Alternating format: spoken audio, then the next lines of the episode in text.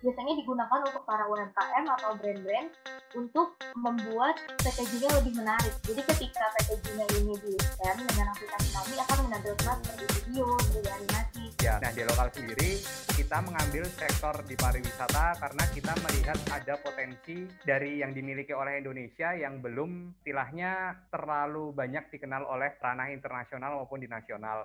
Kali ini, Kren melaksanakan Techminar yang bertemakan The Secret Recipe for Startup Business. Sudah ada sejak tahun 2017. Di tahun 2017 ini kita memulai tidak langsung untuk marketing, tetapi kita mulai uh, dari membuat buku anak-anak. Kenapa kok kita mulai dari buku anak-anak? Karena waktu itu uh, pada tahun 2017 kami menemukan masalah kalau anak-anak Indonesia itu lebih tertarik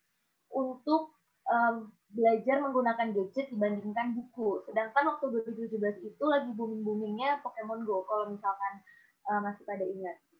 Jadi saya cari cara nih gimana caranya anak-anak tetap bisa main gadget juga, tetapi dia bisa sambil belajar. Akhirnya kami uh, membu uh, membuat buku edukasi yang dipadukan dengan augmented reality dan pada tahun 2017 ini kami telah menjual sebanyak 800 buku.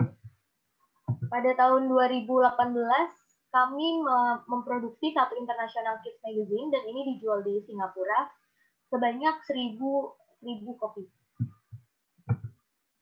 Pada tahun 2019 akhirnya kami melakukan banyak riset dan pengembangan untuk produk kami sendiri. Akhirnya ada uh, yang bernama Buka for Company. Di mana pada Buka for Company ini kami memiliki empat produk turunan yaitu Smart Label, Promotion Tools, interactive display dan software-nya assistant, di mana pada smart label ini biasanya digunakan untuk para UMKM atau brand-brand untuk membuat packagingnya lebih menarik. Jadi ketika packagingnya ini di-scan dengan aplikasi kami akan menampilkan seperti video, 3D animasi. Contoh yang sudah memakai untuk perusahaan besarnya adalah Ebert dari perusahaan farmasi atau obat. Dan pada tahun 2019 pula kami mendapatkan empat penghargaan internasional di beberapa negara dan pada tahun 2020 kami tetap menjalankan Buka for Company yang memiliki uh, klien lebih dari lima klien dan kami menjalankan beberapa proyek besar untuk perusahaan-perusahaan besar dan kami mendapatkan satu international award. Jadi uh, pada pada saat memulai itu kami uh, berjumlahkan uh, sekitar 15 orang bisa dilihat ya di sini fotonya di sini begitu banyak uh, uh, tim yang bergabung dengan kami tetapi uh, akhirnya lama-lama itu berkurang karena pada tahun 2017 ini saya baru semester 2 untuk uh, di perkuliahan itu baru semester 2 jadi uh, yang pertama ikut itu kayak ya udahlah nanti aja nih ini ini dulu lah startup jadi banyak yang nggak serius. Jadi di sini ada yang namanya seleksi alam. Jadi uh, yang memang nggak serius lama-lama akan berkurang. Dan ternyata memang terus berkurang hal ini dibuktikan uh, pada tahun 2019 akhirnya kita mempunyai tim akhirnya dari 15 jadi tinggal bersepuluh bersepuluh aja untuk di 2018 karena kenapa kok bisa banyak di 2017 karena kami uh, mulai dari buku hingga aplikasinya dan aset-asetnya yang ditampilkan seperti video, foto, dan 3D kami membuat sendiri. Di 2018 kami mempunyai kesempatan untuk uh, mem mempresentasikan pitch deck tentang startup kami dengan Reno Barak dan pada tahun 2019 kami uh, mendapatkan kesempatan untuk melakukan eksibisi internasional dan mendapatkan beberapa penghargaan. Uh, ini adalah uh, salah satu momen kami di mana kami di coach oleh uh, langsung oleh uh, profesional yang bekerja di Microsoft dan kami juga telah mengikuti beberapa uh, pameran teknologi yaitu Tech Indonesia. Kami sudah dua tahun berturut-turut mengikuti pameran tersebut. Dan pada tahun 2020 kami aktif untuk mengikuti uh, acara dengan Kemnaker, di mana Kemnaker ini telah mempunyai program untuk mendukung UMKM Indonesia khususnya pada, pada mahasiswa. Berikut adalah eh, negara-negara uh, yang sudah kami capai untuk mempunyai klien dan beberapa pengenalan untuk augmented reality sendiri dan eksibisi yang telah kami ikuti di mana di antaranya adalah Singapura, Thailand, Philippines, Manila, dan Malaysia. kami telah uh, bekerja sama dengan enam perusahaan dan mengerjakan lebih dari 10 proyek dan memenangkan lebih dari tiga penghargaan internasional. Kita mencoba untuk membentuk satu digital agency di situ dan alhamdulillah uh, kayak dikasih jalannya banget sih. Kita udah di saat kita membentuk startup benar-benar kita bergerak dari nol, kita membentuk semuanya dari secara internal dan memperkenalkan, mempromosikan digi, apa agensi digital kita keluar pun kita memanfaatkan keberadaan sosial media dan apa sosial networking yang ada di apa di zaman sekarang kayak sekarang ini kurang lebih sih kayak gitu dan untuk eh, apa namanya untuk sejauh ini sih selama empat bulan terakhir yang kita jalani bareng teman-teman juga udah lumayan banyak yang mempercayakan brand-brand atau misalkan apa produk-produk dari segi digital atau misalkan sosial media manajemennya ke kita nih. Karena pada dasarnya emang basic dari semua tim yang ada di digital tiga orang saya Kenny sama Lani adalah kebanyakan kita orang-orang media dulunya saya Lani sama Kenny itu tiga kita bertiga sebenarnya penyiar radio nih di Bandung. Nah karena misalnya udah ternyata karena kita ada pengalaman di di bidang media sosial apa di bidang media konvensional dan digital juga apalagi kayak misalkan konvensi media konvensional sekarang juga kan udah mulai serba digital juga tuh. Secara pergerakan gitu kan ada yang dia punya YouTube channel atau sosial media.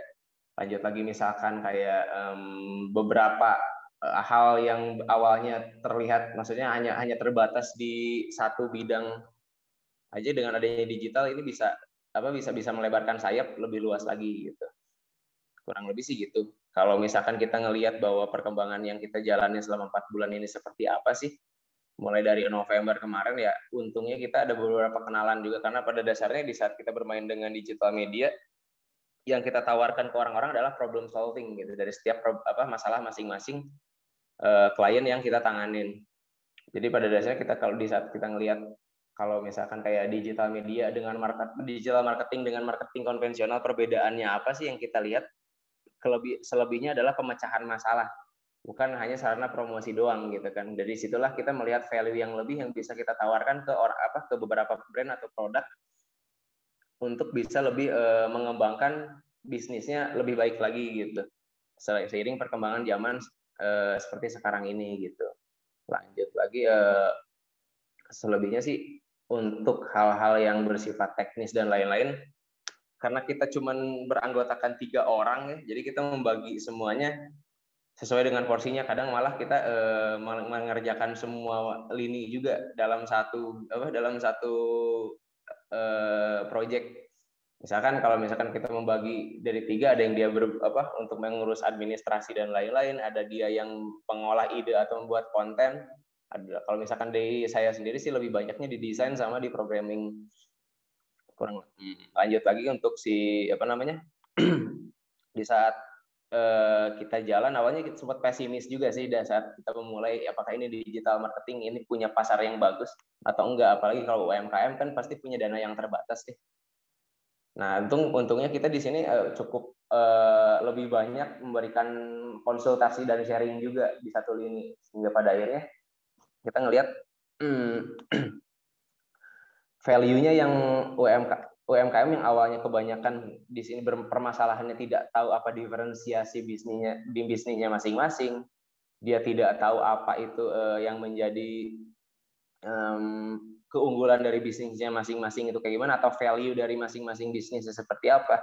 Dengan adanya digital marketing dan barang digital oh, marketing agency kita memulai semuanya uh, secara pelan-pelan dan uh, apa ngasih ngasih tahu ke apa ke para pelaku UMKM untuk lebih aware lagi dengan adanya digital. Karena pada zaman sekarang mau tidak mau ya karena kita ngelihat bahwa apa ya namanya hampir semua aktivitas yang kita lakuin nggak bisa lepas dari aktivitas digital gitu kan. Hampir semua orang pegang smartphone lah minimal setiap hari gitu kan dan nggak bisa lepas gitu kan. Kalau misalkan ada orang yang bisa lepas dari smartphone juga pasti agak uring-uringan juga gitu kan. Karena mungkin aktivitasnya banyak terjadi di digital media. Apalagi dari masa pandemi kayak gini kan kita tidak bisa bebas bergerak dengan adanya digital media kita punya ruang-ruang baru nih yang bisa kita manfaatkan nah di situ sih value yang kita kasih ke banyak UMKM pada akhirnya ya alhamdulillah alhamdulillahnya sampai sekarang kita banyak dipercaya untuk memegang beberapa brand-brand yang cukup punya nama juga di Indonesia walaupun maksudnya masih perlu dibenahi eh, lagi dari beberapa sisi gitu. Uh, secara gambar secara gambaran besar uh, di lokal sendiri adalah sebuah startup uh, yang bergerak di bidang pariwisata. Nah, mengapa kita bergerak di bidang pariwisata? Karena uh, seperti yang kita tahu bahwasannya ada banyak sekali macam-macam startup di Indonesia. Nah, di lokal sendiri kita mengambil sektor di pariwisata karena kita melihat ada potensi dari yang dimiliki oleh Indonesia yang belum uh, istilahnya terlalu banyak dikenal oleh ranah internasional maupun di nasional. Nah, di lokal sendiri kita fokusnya adalah untuk mengembangkan kawasan-kawasan ekoturism di seluruh Indonesia yang harapannya ketika kita mengembangkan dan mendampingi ini teman-teman di desa-desa wisata dan teman-teman pemilik destinasi ekowisata itu bisa semakin dikenal oleh halayak di nasional maupun internasional. Oke, uh, untuk singkat ceritanya visi di lokal sendiri adalah sustainable tourism for everyone. Uh, harapannya ke depannya uh, dari startup di lokal ini kita bisa menciptakan pariwisata yang sustain sustain di sini ada banyak ya aspeknya. Jadi pariwisata itu tidak hanya yang datang lalu pergi, pariwisata itu tidak hanya datang eh, lalu tidak memberikan dampak positif bagi orang yang didatangi maupun orang yang setelah datang ke sana, tetapi harapannya di lokal ini adalah eh, pariwisata yang bisa membuat tanggung jawab kepada pelaku wisatanya sekaligus uh, memberikan dampak kepada uh, para wisatawan yang datang ke wisata tersebut.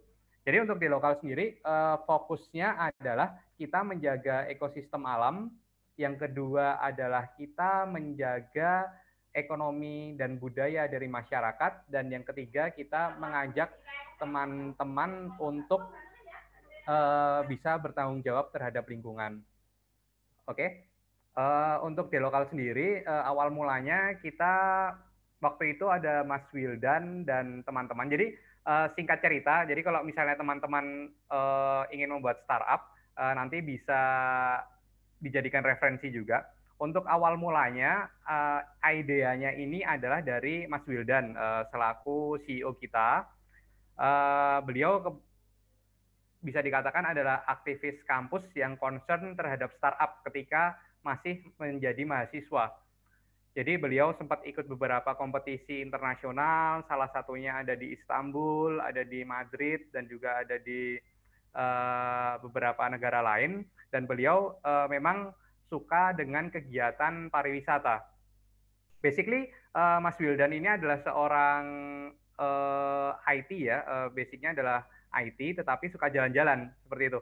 Jadi uh, Mas Wildan concern di membuat sebuah uh, aplikasi atau membuat sebuah tools untuk uh, kegiatan pariwisata. Nah, singkat cerita di tahun 2019 uh, saya bertemu dengan Mas Wildan karena kalau saya sendiri sebagai co-CEO ya itu tadi tugasnya adalah menggantikan Mas Wildan ketika Mas Wildan uh, tidak bisa atau bergalangan hadir. Jadi uh, memang basically saya bukan orang IT.